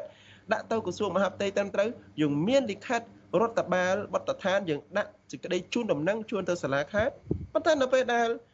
គាត់មកជួបជាមួយយើងគឺគោលការណ៍តែមួយទេគឺត្រូវបញ្ឈប់ហើយជជែកចរចាគ្នាសិនហើយអារបៀបបែបនេះខ្ញុំជួបជារឿងរហដល់ហើយហើយខ្ញុំវាយល់យ៉ាងច្បាស់ថារបៀបដែលគាត់ធ្វើហ្នឹងគឺទិសដៅតែមួយគឺធ្វើឲ្យយើងអត់អាចដំណើរការទៅមុខទេដូច្នេះបានខ្ញុំថានេះជារឿងមួយដែលត្រូវគិតឡើងវិញនេះជារឿងមួយដែលត្រូវពិចារណាឡើងវិញហើយបើសិនជាមិនប្រឹងទេ ខ្ញុំថាទៅមុខយើងនឹងធនធានយុវជនដែលមានមនសិការជាតិនឹងអត់នឹងអន់កាន់តែខ្លាំងទៅខ្លាំងទៅហើយពេលនោះគ្មានណាអាចបន្ទោសណាបានទេជាតិមិនជាតិតែខ្ញុំទេជាតិយើងទាំងអស់គ្នាត្រូវបារម្ភទាំងអស់គ្នាអឺលោកកាត់សរាយតើបើសិនជាអាញាធននៅបន្តរារាំងរហូតអញ្ចឹងទោះបីជាអ្វីដែលលោកកំពុងធ្វើនេះគឺជាការអនុវត្តសិទ្ធិស្របច្បាប់របស់ខ្លួនអីក៏ដោយហើយមានការអនុញ្ញាតពីក្រសួងមហាផ្ទៃអីក៏ដោយហ្នឹងប៉ុន្តែ បើមានការរារាំងជាបន្តបន្ទាប់ឲ្យដូចព្រឹកមិញនៅខាងខេត្តសៀមរាបចុះបើនៅខេត្តផ្សេងទៀតមានការរារាំងដែរហ្នឹងតើវាមិនធ្វើឲ្យប៉ះពាល់ទៅដល់ក្បួនធម្មយាត្រានឹងមិនអាចទៅដល់គោលដៅបានទាន់ពេលវេលាដែរទេឬក៏យ៉ាងម៉េចដែរបាទជាទូទៅយើងបានធ្វើការបត់បែនយើងបានធ្វើការបត់បែនទៅតាមពេលវេលាទៅតាមឱកាសនិងកលៈទេសៈតាមរយៈការមើលទៅលើស្ថានភាពតឹងឬក៏ធូរ ហើយយើងនឹងព្យាយាមបត់បែនទៅតាមលទ្ធភាពដែលយើងអាចធ្វើទៅបានប៉ុន្តែទោះយ៉ាងណាក៏ដោយបានជាជ្រើសរើសវិធីដង្ហែក្បូនធម្មយត្រាឆ្ងាយពីខេត្តសៀមរាបទៅដល់ទីក្រុងភ្នំពេញបាទដើម្បីរឿងផ្សព្វផ្សាយអំពីរឿងសិទ្ធិមនុស្សរឿងយុត្តិធម៌សង្គមនិងសេចក្តីថ្លៃថ្នូររបស់មនុស្សនេះបាទដូចយើងដឹងហើយសកម្មភាពសាធារណៈមួយរយៈក្រោយនេះគឺស្ងាត់មានន័យថាការដើរនៅទីឆ្ងាយហ្នឹងគឺវាស្ងាត់ហើយ កន្លងមកឲ្យតែមានការដើរតែតែមានការរៀបរៀងមានការរដ្ឋបတ်ដូច្នេះយើងក៏ក៏ចង់ឲ្យមានអសកម្មភាពនឹងឡើងវិញហើយសកម្មភាពនេះវាជាសកម្មភាពបែបសាសនាសឹងតែសាសនាសុទ្ធសាធទៅហើយពោះមានប្រសងស្វាត់ជីផ្សាយមេត្តាចិត្តអឺអប់រំពុទ្ធបរិស័ទតាមផ្លូវឲ្យចូលរួមគិតគូរអំពីអនាគតជាតិគឺមានន័យថាចូលរួមអប់រំកូនចៅឲ្យមានសិលធម៌ឲ្យមានការអត់ធ្មត់ឲ្យមានការយោគយល់ហើយយើងជឿជាក់ថាថ្ងៃក្រោយកូនចៅពួកគាត់អាចខ្លាយទៅជានាយករដ្ឋមន្ត្រីក៏មិនដឹង អាចខ្លាយទៅជារដ្ឋមន្ត្រីក៏មិនដឹងដូច្នេះវានឹងខ្លាយជាធនធានមួយល្អនេះហើយដែលយើងមើលឃើញហើយទី2យើងយើងក៏ចង់វាស់វែងមើលថាតើនីតិកាលទី7នៃរដ្ឋបាលថ្មីនេះថាតើមានវិធីនៅក្នុងការលើកកម្ពស់សិទ្ធិមនុស្សក្នុងការរៀបចំគោលនយោបាយក្នុងការស្ដារប្រជាធិបតេយ្យឡើងវិញហ្នឹងវាមានកម្រិតណាស់ដូច្នេះយើងបានឃើញបដាបដាហើយដូច្នេះខ្ញុំនឹងរំពឹងមើលនៅថ្ងៃស្អែកទៀតថាតើនីតិកាលទី7នឹងបានបង្ហាញយើង អំពីសន្ទុះនៃការស្ដារសិទ្ធិមនុស្សឡើងវិញតាមរបៀបណាបាទបាទអរគុណសរាយយើងនឹងបន្តជួបជាមួយនឹងលោកកាត់សរាយបន្តទៀតតកតងទៅនឹងរឿងដង្ហែក្បួនធម្មយាត្រានេះបាទខ្ញុំសូមអរគុណដែលបានចូលរួមជាមួយយើងនៅរាត្រីនេះបាទសូមជម្រាបលាហើយសូមធ្វើដំណើរដោយសុខសុវត្ថិភាពបាទអរគុណជម្រាបលា បាទលោកនាងជាទីមេត្រីក្រមអ្នកសារព័ត៌មាននឹងក្រងស្នើទៅអ្នករាយការណ៍ពិសេសរបស់អង្គការសហប្រជាជាតិគឺលោកវិធិតមុនតបនដែលកំពុងបំពេញទស្សនកិច្ចនៅក្នុងប្រទេសកម្ពុជានឹង ឲ្យជួយស្នើទៅរដ្ឋាភិបាលកម្ពុជាឲ្យបើកលំហសេរីភាពសារព័ត៌មាននៅក្នុងប្រទេសកម្ពុជាឡើងវិញដោយសារថាសេរីភាពសារព័ត៌មាននេះក៏កំពុងធ្លាក់ចុះធ្ងន់ធ្ងរដែរបាទការត្រៀមស្នើសុំទៅលោកវិទិតមុនរបបនេះដោយសារថាក្រុមអ្នកសារព័ត៌មាននិងតំណាងប្រព័ន្ធផ្សព្វផ្សាយមួយចំនួននឹងជួបជាមួយនឹងលោកវិទិតមុនរបបនៅថ្ងៃស្អែកនេះបាទលោកនាងនឹងបានស្ដាប់សេចក្តីរាយការណ៍នេះនៅពេលបន្តិចទៀតនេះបាទ បាទតកតងទៅនឹងរឿងអធិបុលចិននៅក្នុងតំបន់អាស៊ានវិញប្រទេសសមាជិកអាស៊ានខ្លះដែលមានអធិបុលដូចជាឥណ្ឌូនេស៊ីសិង្ហបុរី និងហ្វីលីពីនជាដើមកំពុងព្រួយបារម្ភចំពោះការវាយទីនៃភូមិសាស្ត្រនយោបាយចិន ដែលចង់គ្របដណ្ដប់អធិបុលនិងក្រសោបយកសេដ្ឋកិច្ចនៅក្នុងតំបន់បាទហើយទន្ទឹមនឹងការព្រួយបារម្ភនេះប្រទេសឥណ្ឌូនេស៊ីបានបង្កើនថវិកា 20%ថែមទៀតទៅលើវិស័យការពារជាតិសម្រាប់ឆ្នាំ2024ចំពេលដែលកំពុងមានបញ្ហាប្រឈមសន្តិសុខនៅក្នុងតំបន់បាទតើអាស៊ានមើលឃើញកម្ពុជាដែលកំពុងមានទំនាក់ទំនងដ៏ស្អិតរមួតជាមួយចិននេះក្នុងន័យបែបណាដែរនៅពេលដែលចិនកំពុងវាទីភូមិសាស្ត្រនយោបាយនេះបាទសូមស្ដាប់សេចក្តីរាយការណ៍របស់លោកសេចបណ្ឌិតដូចតទៅអ្នកតាមដានភូមិសាស្ត្រនយោបាយយល់ឃើញថាកម្ពុជាកំពុងធ្វើឲ្យប្រទេសសមាជិកអាស៊ានខ្លះព្រួយបារម្ភ ដោយសារតែបង្កើនកិច្ចសហការយ៉ាងជិតស្និទ្ធស្ទើរគ្រប់វិស័យព្រមទាំងផ្នែកយោធាជាមួយប្រទេសចិន ក្នុងពេលដែលប្រទេសអាស៊ានខ្លះទៀតត្រៀមខ្លួនទប់ទល់នឹងការវិទីភូមិសាស្ត្រនយោបាយរបស់ចិននេះអ្នកតាមដានភូមិសាស្ត្រនយោបាយនៅតំបន់អាស៊ីអាគ្នេយ៍និងប៉ាស៊ីហ្វិកលោកសេងវ៉ាន់លី មានប្រសាសន៍ថាប្រទេសជាសមាជិកអាស៊ានខ្លះអាចនឹងមានការអះអន់ស្រពន់ចិត្តផ្នែកទំនាក់ទំនងជាមួយនឹងកម្ពុជា ដោយមិនចំហ នៅស្របពេលដែលចិន កំពុងតែមានបំណងវិទីភូមិសាស្ត្រនយោបាយនៅក្នុងតំបន់ហើយកម្ពុជា បានបង្កើនទំនាក់ទំនងស្អិតរមួតស្ទើរគ្រប់វិស័យរួមទាំងផ្នែកយោធាជាមួយប្រទេសចិនផងនោះ។ ពេលដែលមានកិច្ចប្រជុំថ្នាក់តំបន់ជាពិសេសនៅក្នុងក្របខ័ណ្ឌរបស់អាស៊ានយើងឃើញថាប្រទេសធំធំរបស់អាស៊ានដូចជាឥណ្ឌូនេស៊ីម៉ាឡេសិង្ហបុរីហ្វីលីពីនជាដើមនេះគឺជាយាមធ្វើម៉េចវាគុណនៅបង្ហាញការព្រួយបារម្ភចំពោះនិន្នាការរបស់ប្រទេសមួយចំនួនដូចជាកម្ពុជាដែរអញ្ចឹងវាមានវាមានការរិះគន់នៅក្នុងឆាកតំបន់ក៏តែគាត់ថាក្នុងកម្រិតភាគីខ្ញុំគិតថាប្រទេសនីមួយៗផែជាមិនហ៊ានជឿជ្រែកទៅលើការសម្រេចចិត្តរបស់ប្រទេសសមាជិកនោះទេប្រទេសឥណ្ឌូនេស៊ីគឺជាប្រទេសមួយក្នុងចំណោមសមាជិកអាស៊ានមួយចំនួនទៀត បានបង្កើនថវិកាជាតិ20%ថែមទៀតទៅលើវិស័យការពារជាតិឆ្នាំ2024ចំពេលដែលកំពុងមានបញ្ហាប្រឈមផ្នែកសន្តិសុខក្នុងតំបន់នេះអ្នកស្រាវជ្រាវរបស់វិទ្យាស្ថានសន្តិសុខនិងសិក្សាយុទ្ធសាស្ត្រនៃប្រទេសឥណ្ឌូនេស៊ីលោកកៃរ៉ូលហ្វាមី បានថ្លែងថាឥណ្ឌូនេស៊ីត្រូវការជំហរការពារចិត្តដ៏រឹងមាំមួយ ដើម្បីប្រមាលមើលការកើនឡើងនៃការគម្រាមកំហែងក្នុងភូមិសាស្ត្រនយោបាយរបស់ចិន ដែលកំពុងតែប្រែប្រួលនិងមានឥទ្ធិពលខ្លាំងលោកសេងវ៉ាលីមានប្រសាសន៍ទៀតថានៅក្នុងពេលដែលឥណ្ឌូនេស៊ីកំពុងតែប្រឹងប្រែងរក្សាតំបន់ឲ្យមានស្ថិរភាពឯកម្ពុជាវិញបែរជាបង្កើនទំនាក់ទំនងកាន់តែច្រើនឡើងច្រើនឡើងជាមួយនឹងប្រទេសចិននេះ ហើយបញ្ហាអស់ទាំងនេះចង់មិនចង់ក៏បានធ្វើឲ្យឥណ្ឌូនេស៊ីខកចិត្តខ្លះៗក្នុងទំនាក់ទំនងទ្វេភាគី។ ការបង្កើនសកម្មភាពក្នុងវិស័យយោធាជាមួយនឹងចិនហ្នឹងវាជាបញ្ហាមួយដែលបង្កការព្រួយបារម្ភនៅក្នុងតំណែងធិបតីដែរនៅពេលដែលមានកិច្ចប្រជុំកម្ពុជាគឺមានរដ្ឋអាស៊ានចង់តែជំរុញទៅម៉េចឲ្យរក្សាអាស៊ានជាស្នូលណាធ្វើម៉េចកុំឲ្យបាក់បាច់គ្នាទោះជាប្រទេសនីមួយៗនៃសមាជិកអាស៊ានហ្នឹងព្យាយាមកសាងតំណែងជាមួយមហាអំណាចយ៉ាងណាក៏ដោយក៏តែថាត្រូវតែផ្ដោតសារៈសំខាន់ទៅលើអាស៊ានដែលជាស្ថាប័នជាស្នូលយើងឃើញមានការព្រួយបារម្ភអញ្ចឹងតែខ្ញុំគិតថាវាមិនឈានទៅដល់ការបាក់បែកទេដោយសារយើងដឹងថាគោលការណ៍របស់អាស៊ានគឺផ្ដោតសំខាន់ទៅលើឯកច្ឆន្ទហើយផ្ដោតសំខាន់ទៅលើកុងសង្ស៊ីអញ្ចឹងអាស៊ាននីមួយៗនឹងផ្ដល់ឱកាសឬក៏យល់ឃើញពីសារៈសំខាន់នៃទំនាក់ទំនងរបស់សមាជិកខ្លួនជាមួយនឹងមហាអំណាចក្នុងតំបន់អ្នកវិភាគបានមើលឃើញថាបញ្ហាភូមិសាស្ត្រនយោបាយចិន កំពុងធ្វើឲ្យប្រទេសជាសមាជិកអាស៊ានទាំង10បែកខ្ញែកគ្នា ដោយប្រទេសខ្លះងាកទៅរកសហរដ្ឋអាមេរិកដែលជាប្រទេសមហាអំណាចសេរីដើម្បីការពារអធិបតេយ្យភាព និងស្ថិរភាពក្នុងតំបន់ដូចជាប្រទេសហ្វីលីពីនវៀតណាមរីឯប្រទេសខ្លះទៀតបានងាកទៅរកចិន ដើម្បីផលប្រយោជន៍សេដ្ឋកិច្ចការអភិវឌ្ឍហេដ្ឋារចនាសម្ព័ន្ធនិងមួយផ្នែកទៀតគឺដើម្បីការពីអំណាចផ្ដាច់ការរបស់ខ្លួន ដូចជាកម្ពុជាឡាវនិងមីយ៉ាន់ម៉ាជាដើមទោះជាយ៉ាងណា អ្នកប្រឹក្សាយោបល់ផ្នែកអភិវឌ្ឍផ្នត់គំនិត និងសិក្សាស្រាវជ្រាវលោកសេកសុជាតិយល់ឃើញថា បញ្ហាភូមិសាស្ត្រនយោបាយចិនពាក់ព័ន្ធជាមួយដែនសមុទ្រចិនភាគខាងត្បូងមិនសុទ្ធតែធ្វើឲ្យបណ្ដាប្រទេសសមាជិកអាស៊ានខ្លះដែលមិនគាំទ្រចិននោះមានការប៉ះពាល់ទំនាក់ទំនងទ្វេភាគីជាមួយកម្ពុជាឡើយលោកសេកសុជាតិយល់ឃើញទៀតថាពាក់ព័ន្ធនឹងបញ្ហាវិទីនៃភូមិសាស្ត្រនយោបាយចិន គឺជាការពិបាកដែលប្រទេសអាស៊ានត្រូវប្រឈមមុខហើយគេមិនទាន់ដឹងច្បាស់ទេថាតើអាស៊ាន អាចរួមគ្នា ដើម្បីសហគមន៍តែមួយ វាសនាតែមួយដោយអ្វីដែលមានចែងនៅក្នុងធម្មនុញ្ញអាស៊ានដែរឬក៏យ៉ាងណាអ្វីដែលយើងឃើញភាពបរាជ័យរបស់អាស៊ាននៅក្នុងការសហការគ្នាជាសម្លេងតែមួយយុទ្ធសាស្ត្រតែមួយនៅក្នុងការទប់ទល់ជាមួយនឹងអធិបុលចិននៅលើដែនសមុទ្រចិនខាងត្បូងនេះគឺតែងតែទទួលបរាជ័យជាបន្តបន្ទាប់ដូច្នេះហើយខ្ញុំគិតថាអាស៊ាននឹងមិនទាន់មានមតិជាឯកច្ឆន្ទតែមួយទេពាក់ព័ន្ធជាមួយនឹងបញ្ហាសមុទ្រចិនខាងត្បូងនេះចំណែកអ្នកជំនាញផ្នែកភូមិសាស្ត្រនយោបាយលោកបណ្ឌិតរោវណ្ណៈ មើលឃើញថា ជាយូរមកហើយ ដែលប្រទេសសមាជិកអាស៊ាន មិនដែលស្រោះស្រួលគ្នា ជាធ្លុងមួយទេ ដោយសារតែប្រទេសសមាជិកអាស៊ានទាំងអស់បានផ្ដោតសំខាន់គិតតែពីផលប្រយោជន៍រៀងៗខ្លួន ហើយគេធ្វើនយោបាយការបរទេសតាមការឆ្លាតវៃរៀងៗខ្លួន ដោយប្រទេសខ្លះបានងាកទៅសហការជាមួយនឹងអាមេរិកដើម្បីផលប្រយោជន៍សន្តិសុខ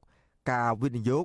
និងប្រទេសខ្លះទៀត បានងាកទៅរកចិនដើម្បីសេដ្ឋកិច្ចប៉ុន្តែយ៉ាងណាក៏ដោយនៅពេលដែលអាស៊ានត្រូវបានហែកហួរត្រូវបានបំបែកដោយមហាអំណាចទាំងពីរគប់ជែងគ្នានៅក្នុងសង្គមគៈថ្មីហ្នឹងលទ្ធភាពនៃការមើលមុខគ្នាមិនចំក្នុងសមាជិកអាស៊ានហ្នឹងនឹងមាននៅក្នុងរបៀបវិទ្យាភូមិសាស្ត្រនយោបាយនៅពេលដែលមានជំនួបប្រជុំកម្ពុជាអាស៊ានហើយនៅពេលខាងមុខតទៀតសម្រាប់ផលប្រយោជន៍ប្រទេសមួយមួយគឺគេចាប់គោរៀងនឹងខ្លួននេះហើយបាទទាំងប្រទេសមួយចំនួនចាប់ចិនទៅប្រទេសចំនួនចាប់អាមេរិកទៅអានេះជាផលប្រយោជន៍របស់ប្រទេសគេរៀងនឹងខ្លួនបាទជុំវិញការយល់ឃើញទាំងអស់នេះ វិទ្យុអាស៊ីសេរីនៅពុំទាន់អាចសុំការអធិប្បាយពីប្រធានអង្គភិបអ្នកណែនាំពាក្យរដ្ឋាភិបាលលោកប៉ែនបូណានិងអ្នកណែនាំពាក្យក្រសួងការបរទេសលោកអានសុខឿនបាននៅឡើយទេ នៅថ្ងៃទី6ខែធ្នូចំណែករដ្ឋមន្ត្រីប្រតិភូអបនាយករដ្ឋមន្ត្រីទទួលបន្ទុកកិច្ចការបរទេសនិងសហប្រតិបត្តិការអន្តរជាតិលោកតាន់សងហ្វ្រង់ស្វ័រក៏មិនទាន់អាចតាក់ទងបានដែរនៅថ្ងៃដដែលនេះដោយទូរស័ព្ទចូលប៉ុន្តែគ្មានអ្នកទទួលយ៉ាងណាក៏ដោយ អ្នកវិភាគនៅតែមើលឃើញថាក្នុងពេលបណ្ដាប្រទេសជាសមាជិកអាស៊ាន កំពុងតែបែកបាក់ហើយប្រសិនបើកម្ពុជា បន្តមានទំនាក់ទំនងជិតស្និទ្ធជាមួយប្រទេសចិន គ្រប់វិស័យរួមទាំងវិស័យយោធាថែមទៀតនោះ ប្រការនេះ គឺវាកាន់តែបង្កើនឲ្យមានការព្រួយបារម្ភចំពោះអសន្តិសុខដល់បណ្ដាប្រទេសខ្លះដែលនៅជិតខាងកម្ពុជា មានដូចជា ប្រទេសថៃ និងវៀតណាមជាដើម។ ខ្ញុំបាទសេកបណ្ឌិតវុទ្ធុអាស៊ីសេរីពីរដ្ឋធានីវ៉ាស៊ីនតោនបាទយើងងាកទៅមើលរឿងបរិស្ថានវិញម្ដងមន្ទីរបរិស្ថាននៅខេត្តកំពង់ធំបានចេញសេចក្តីបំភ្លឺថាពិតជាមានករណីកាប់ទន្ទ្រានដីព្រៃប្រកាសមែនក៏ប៉ុន្តែមិនស្ថិតក្រោមសមត្ថកិច្ចរបស់ខ្លួននោះទេក៏ប៉ុន្តែសហគមន៍ថាអាញាធរកំពុងតែឆ្លើយយករួចខ្លួនដោយគិតវេះមិនទទួលខុសត្រូវចំពោះការកាប់ទន្ទ្រានដីព្រៃទាំងអស់នោះ បាទលោកជីវិតារាយការណ៍ព័ត៌មាននេះមន្ទីរបរិស្ថានខេត្តកំពង់ធំកាលពីថ្ងៃទី5ខែធ្នូទទួលស្គាល់ថាពិតជាមានករណីកាប់ទន្ទ្រានដីព្រៃយកធ្វើជាកម្មសិទ្ធិពិតប្រាកដមែននៅឯចំណុចអូតាឡូឃុំមានរិទ្ធស្រុកសណ្ដានខេត្តកំពង់ធំប៉ុន្តែបដិសេធថាករណីកាប់ទន្ទ្រានដីព្រៃនៅចំណុចនោះមិនស្ថិតនៅក្នុងដែនជម្រកសត្វព្រៃឡង់នោះទេ ដោយអះអាងថានៅឆ្ងាយប្រមាណ500ម៉ែត្រពីតំបន់ព្រៃឡង់ សេចក្តីប្រកាសនេះធ្វើឡើងក្រោយមានសារព័ត៌មានផ្សព្វផ្សាយអំពីបណ្ដាញសហគមន៍ព្រៃឡង់ចុះល្បាតរកឃើញបទល្មើសព្រៃឈើនិងការកាប់ទន្ទ្រានដីព្រៃនៅក្នុងដែនជម្រកសត្វព្រៃឡង់កាលពីថ្ងៃទី5ធ្នូថ្មីថ្មីនេះវិទ្យុអាស៊ីសេរីមិនអាចតាក់ទងប្រធានមន្ទីរបរិស្ថានខេត្តកំពង់ធំ លោកតបកកដាដើម្បីសុំការបកស្រាយបន្ថែមបានទេ នៅថ្ងៃទី6ធ្នូដោយទូរស័ព្ទចូលគ្មានអ្នកទទួលជុំវិញរឿងនេះ អ្នកសម្របសម្រួលបណ្ដាញសហគមន៍ព្រៃឡង់ខេត្តកំពង់ធំលោកហ៊ឿនសុភីបដែលបានចុះស្រាវជ្រាវបញ្ហានេះប្រាប់វិទ្យុអាស៊ីសេរីនៅថ្ងៃទី6ធ្នូថាបណ្ដាញសហគមន៍ព្រៃឡង់នឹងនាំអ្នកជំនាញផ្នែកផែនទីចុះទៅពិនិត្យទីតាំងនោះផ្ទាល់ម្ដងទៀតដើម្បីបញ្ជាក់ឲ្យអាជ្ញាធរពាក់ព័ន្ធបានដឹងច្បាស់លោកបន្ថែមថាប្រសិនបើទីតាំងនោះមិនមែនជាដែនជម្រកសត្វព្រៃឡង់ទេនោះមូលហេតុអ្វីបានមន្ត្រីបរិស្ថានទាំងនោះ រារាំងសហគមន៍មិនឲ្យចូលល្បាតនិងស្រាវជ្រាវបទល្មើសព្រៃឈើនៅតំបន់នោះលោកស្នើឲ្យអាជ្ញាធរពាក់ព័ន្ធទាំងអស់ចូលរួមជាមួយបណ្ដាញសហគមន៍ព្រៃឡង់នៅថ្ងៃខាងមុខទាំងអស់គ្នា ដើម្បីពិនិត្យឲ្យបានច្បាស់ថានរណាជាអ្នកទទួលខុសត្រូវអំពីបញ្ហានេះថាមន្ត្រីទាំងអស់នោះគឺអាចឆ្លើយបាក់សែតបានទេព្រោះជារឿងគោលការណ៍រដ្ឋាភិបាលមួយ សំបីតែនៅក្នុងតំបន់ណាក៏ជាដែនសមត្ថកិច្ចរបស់រដ្ឋាភិបាលដែរគឺនៅក្នុងច្បាប់ការកាប់បំផ្លាញដែនសមត្ថកិច្ចរបស់រដ្ឋគឺអ្នកនោះក៏ត្រូវតែមានទូឲ្យរដ្ឋតំណាងឲ្យរដ្ឋទាំងរដ្ឋបាលព្រៃឈើទាំង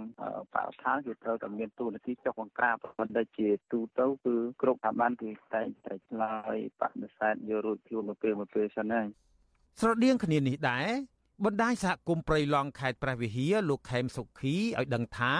អាញាធរមិនដែលទទួលស្គាល់ថាមានបទល្មើសកើតមាននៅក្នុងតំបន់របស់ខ្លួនគ្រប់គ្រងម្ដងណាឡើយបើទោះជាសហគមន៍បានទៅដល់ទីតាំងហើយយ៉ាងណាក្តីក៏មន្ត្រីទាំងនោះមិនមានវិធានការចំពោះជនល្មើសនោះដែរលោកបន្តថាកន្លងទៅមន្ត្រីបរិស្ថានតែងតែឆ្លើយដោះសារយករួចខ្លួន និងច្រានចោលព័ត៌មានដែលសហគមន៍រកឃើញថាមានការកាប់ឈើនិងការកាប់ទន្ទ្រានដីព្រៃនៅក្នុងតំបន់ព្រៃឡង់ ហើយការឆ្លើយបដិសេធរបស់ក្រសួងនោះគឺជាលេសមួយដែលដោះសារឲ្យទៅកើតទេទោះដីនៅណាកាលណាក៏ដោយតែជាប់នៅក្នុងតំបន់របៀងរបស់ព្រៃឡង់គឺយើងត្រូវការពារមិនមែនបណ្ដេតបណ្ដោយឲ្យការកាប់ឈើកាប់ត្រៀនមានដូចចឹងទេដែនជំរកសត្វព្រៃឡង់ត្រូវបានរដ្ឋាភិបាលពង្រីកទំហំផ្ទៃដីចាប់ពី430000ហិកតាទៅ48000ហិកតា គឺមានការកើនឡើងជាង50000ហិកតា នេះបើតាមអនុក្រឹត្យរបស់រដ្ឋាភិបាល ដែលបានចេញផ្សាយកាលពីថ្ងៃទី8ខែវិច្ឆិកាបើទោះបីជារដ្ឋាភិបាលពង្រីកផ្ទៃដីធំជាងមុនយ៉ាងណាក្តីក៏តំបន់ការពារព្រៃឡង់នៅតែរងការកាប់យកឈើធំធំ និងការកាប់ទន្ទ្រានដីព្រៃយកធ្វើជាកម្មសិទ្ធិពីសំណាក់ក្រុមឈ្មួញនិងក្រុមហ៊ុនដីសម្បត្តិសេដ្ឋកិច្ចជុំវិញតំបន់នោះយ៉ាងអនាធបត័យតាក់ទងនឹងបញ្ហានេះមន្ត្រីសម្របសម្រួលគម្រោងនៃសមាគមបណ្ដាញយុវជនកម្ពុជា លោកអូតឡាទីនយល់ឃើញថាអាញាធរទទួលស្គាល់ថាមានបទល្មើស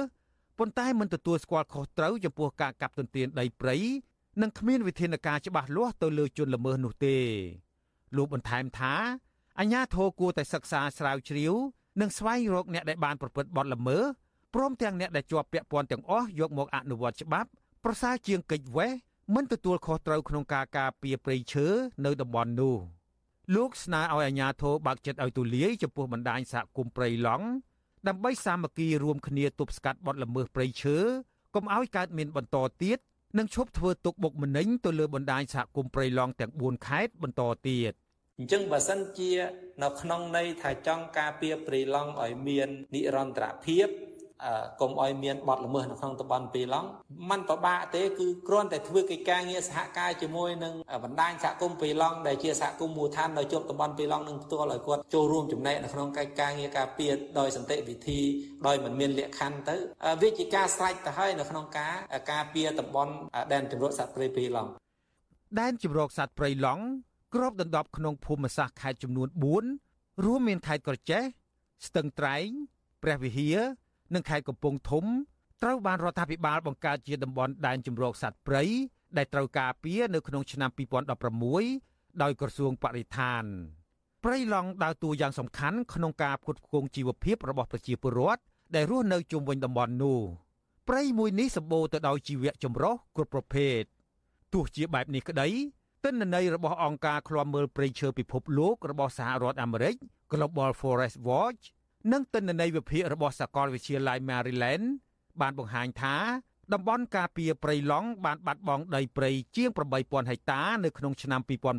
2022របាយការណ៍ដដែលបន្ថែមថាតំបន់ព្រៃអភិរក្សមួយនេះនៅតែបន្តបាត់បង់ដើមឈើធំធំជាច្រើនខ្ញុំជីវិតាអាស៊ីសេរី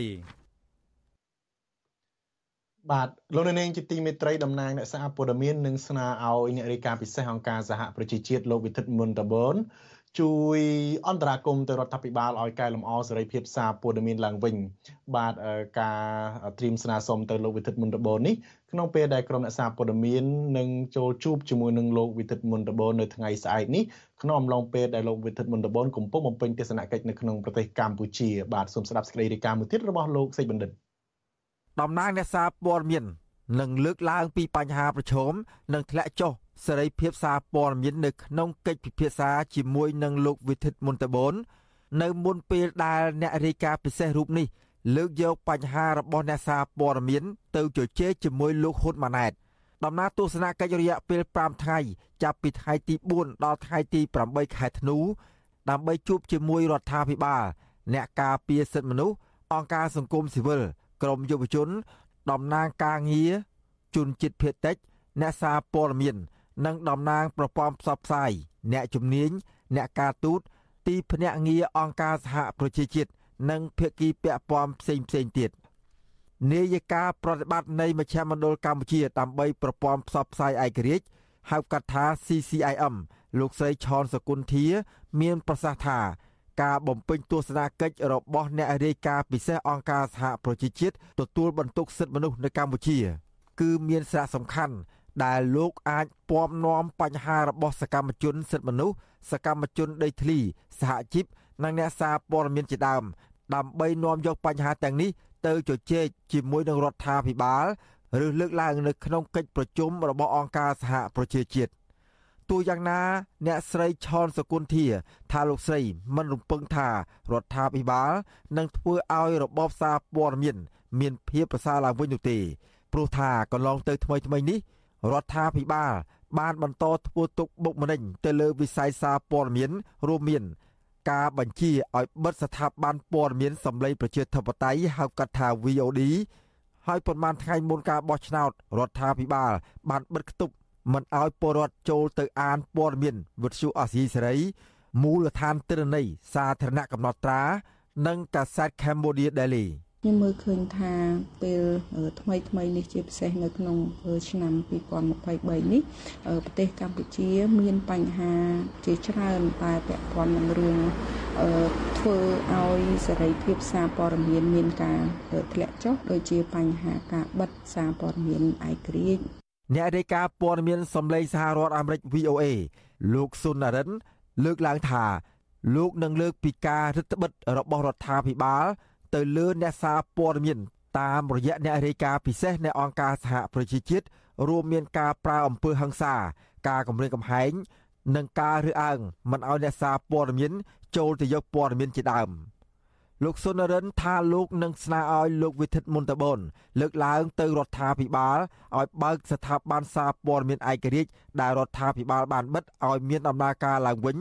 និងពន្លឿននៅច្បាប់ស្តីពីសិទ្ធិទទួលបានព័ត៌មានជាដើម។លោកសុនរិនលើកឡើងថាលោកមានក្តីរំពឹងតិចតួចណាស់ថារដ្ឋាភិបាលនឹងទទួលយកការលើកឡើងរបស់លោកវិធិតមុនតបនព្រោះថាកន្លងមកទាំងអង្គការជាតិនិងអន្តរជាតិប រាជ័យនៅក្នុងការស្នើឲ្យរដ្ឋាភិបាលលើកកម្ពស់អ្នកសារព័ត៌មានឡើងវិញតាមរយៈអ្នករាយការណ៍ពិសេសក៏អាចលើកឡើងបញ្ហានេះដែរប៉ុន្តែខ្ញុំគិតថាវាអាស្រ័យទៅលើថ្នាក់ដឹកនាំហើយមកដល់ពេលនេះយើងមិនទាន់អាចសន្និដ្ឋានយ៉ាងម៉េចដែរព្រោះថាថ្នាក់ដឹកនាំទើបតែបានឡើងកាន់អំណាចជាង3ខែអញ្ចឹងយើងមិនទាន់ដឹងថាតើមានភាពធូរស្រាលបែបម៉េចណាតែយើងជ្រងចាំមើលទាំងអស់គ្នា វិទ្យុអាស៊ីសេរីនៅពុំទាន់អាចសុំការឆ្លើយតបអំពីរឿងនេះពីរដ្ឋមន្ត្រីក្រសួងព័ត៌មានលោកនេតភត្រានិងអ្នកនាំពាក្យក្រសួងព័ត៌មានលោកទេពអាសនារិទ្ធដើម្បីសូមសួរអំពីបញ្ហានេះបាននៅឡើយទេ នៅថ្ងៃទី6ខែធ្នូដំណើរទស្សនកិច្ចរបស់លោកវិធិតមុនតបនមកកាន់កម្ពុជានៅពេលនេះគឺបន្ទាប់ពីលោកហ៊ុនម៉ាណែត បានឡើងដឹកនាំរដ្ឋាភិបាលថ្មី បន្តពីឪពុករបស់លោក គឺលោកហ៊ុនសែនបានជាង100ថ្ងៃមកហើយ ប៉ុន្តែមានដឹកនាំបកប្រឆាំងក្រុមអង្គការសង្គមស៊ីវិលជាតិនិងអន្តរជាតិពិនិត្យឃើញថាជាង100ថ្ងៃមកនេះលោកហ៊ុនម៉ាណែតមិនទាន់បានដោះស្រាយបញ្ហាលទ្ធិប្រជាធិបតេយ្យការគោរពសិទ្ធិមនុស្សបញ្ហាវិបត្តិសង្គមនិងបញ្ហាសេដ្ឋកិច្ចឲ្យបានល្អប្រសើរនៅឡើយទេពលបញ្ហាទាំងអស់នេះគឺកាន់តែធ្លាក់ចុះបន្ថែមទៀតខ្ញុំបាទសេកបណ្ឌិតវិទ្យុអាស៊ីសេរីពីរដ្ឋធានីវ៉ាស៊ីនតោន បាទលោកនាងជាទីមេត្រីអ្នកជំនាញសេដ្ឋកិច្ចវិតម្លៃថារដ្ឋាភិបាលលោកហ៊ុនម៉ាណែតនឹងមិនអាចស្ដារសេដ្ឋកិច្ចកម្ពុជាបានទេនៅឆ្នាំ2024នេះមួយវិញទៀតសេដ្ឋវិទូលោកសុកហាជអះអាងបន្ថែមថាបើកម្ពុជាបើកឲ្យប្រើប្រាស់លុយយួនរបស់ប្រទេសចិន នៅកម្ពុជាក៏ពុំមានផលចំណេញដល់ប្រទេសជាតិឡើយបាទផ្ទុយទៅវិញវានឹងធ្វើឲ្យកម្ពុជាក្លាយជាកូនអុកសេដ្ឋកិច្ចរបស់ចិនកាន់តែខ្លាំងថែមទៀត បាទអ្នកជំនាញសេដ្ឋកិច្ចលោកបណ្ឌិតសុកហាជនិងជាបេក្ខជនសមាជិកព្រឹទ្ធសភាមកពីគណៈបកភ្លឹងទីននិងលោកបណ្ឌិតសេងសេរីជាវាគ្មិនកិត្តិយសនៅក្នុងនីតិវេទិកាអ្នកស្ដាប់វិទ្យុអាស៊ីសេរីនៅថ្ងៃសុក្រទី8ធ្នូនឹងបកស្រាយអំពីបញ្ហានេះបាទសូមលោកនាងរងចាំទេសនាកម្មវិធីនេះកុំបីខានបាទកម្មវិធីនេះសម្របសម្រួលដោយលោកជុនច័ន្ទបុតប្រសិនបើលោកនាងចង់សួរចង់បញ្ចេញមតិយោបល់សូមលោកនាងដាក់លេខទូរស័ព្ទនៅក្នុងខ្ទង់ comment នៃការផ្សាយរបស់វិទ្យុអាស៊ីសេរីតាមបណ្ដាញសង្គម Facebook និង YouTube ក្រុមការងាររបស់យើងនឹងតាកតងទៅលោកនាងវិញបាទសូមអរគុណបាទលោកនាងជាទីមេត្រីកម្មវិធីផ្សាយរយៈពេល1ម៉ោងរបស់វិទ្យុអាស៊ីសេរីបានមកដល់ទីបញ្ចប់ហើយខ្ញុំបាទសូមអរគុណដល់លោកនាងដែលមានភក្ដីភាពតាមដានការផ្សាយរបស់យើងតាំងពីដើមមកដល់ទីបញ្ចប់ខ្ញុំបាទសូមឲ្យលោកនាងជួបប្រកបទៅនឹងសេចក្តីអឺសុខនិងចម្រើនរុងរឿងកុំបីគ្លៀងគ្លាតឡើយខ្ញុំបាទថាថៃព្រមទាំងក្រុមការងារទាំងអស់នៃវិទ្យុអាស៊ីសេរីសូមអរគុណនិងសូមជម្រាបលារាត្រីសួស្តី you